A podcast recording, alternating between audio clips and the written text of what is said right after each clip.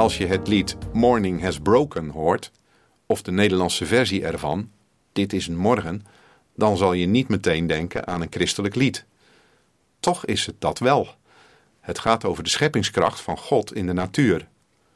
De oorspronkelijke Engelse tekst is van Eleanor Fargen, die leefde van 1881 tot 1965, en de vertaling is van Andries Schoovaart.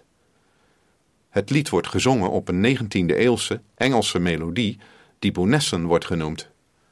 Het werd in 1931 geschreven als een kinderlied voor de tweede editie van het gezangenboek Songs of Praise. Wereldwijd bekend werd het in 1972 toen de Britse folkzanger Cat Stevens het op plaat uitbracht. De tekst van Morning Has Broken is gebaseerd op de Bijbeltekst in Genesis 2, vers 5 tot 9, waar staat: Er was nog geen enkele veldstruik op de aarde en er was nog geen enkel veldgewas opgekomen, want de Heere God had het niet laten regenen op de aarde. En er was geen mens om de aardbodem te bewerken. Maar een damp steeg uit de aarde op en bevochtigde heel de aardbodem. Toen vormde de Heere God de mens uit het stof van de aardbodem en blies de levensadem in zijn neusgaten. Zo werd de mens tot een levend wezen. Ook plantte de Heere God een hof in Eden, in het oosten, en hij plaatste daar de mens die hij gevormd had.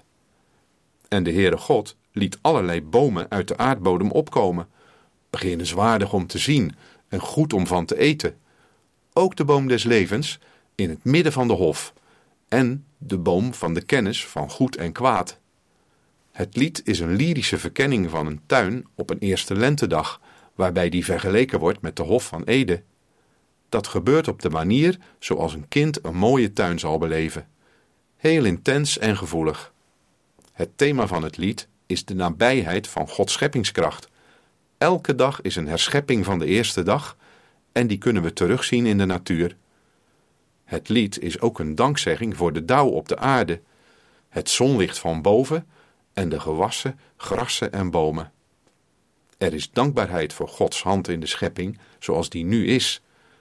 Het laat zien dat God ook in de huidige gebrokenheid nog aanwezig is. Voor die gebrokenheid zelf is in het lied verder geen aandacht.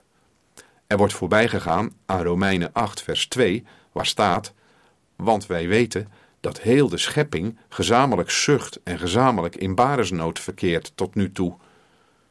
Het lied schetst daarentegen een ideaalbeeld van de natuur dat vooral kinderen zal aanspreken. En dat was nu net de bedoeling. Luistert u naar de uitvoering van Dit is een morgen door Elisa Manna. Dit is een morgen als ooit de eerste. Zingende vogels geven en door.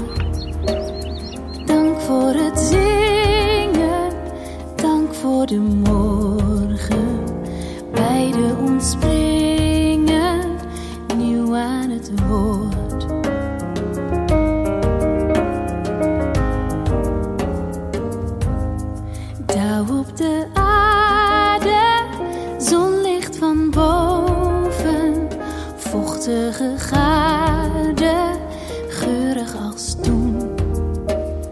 Dank voor gewassen, grassen en bomen. Al wie hier wandelt, ziet het is goed.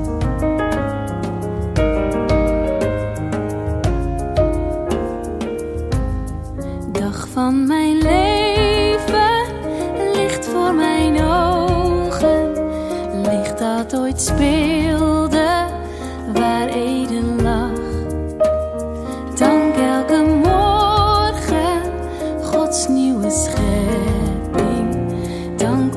betogen, Gods nieuw.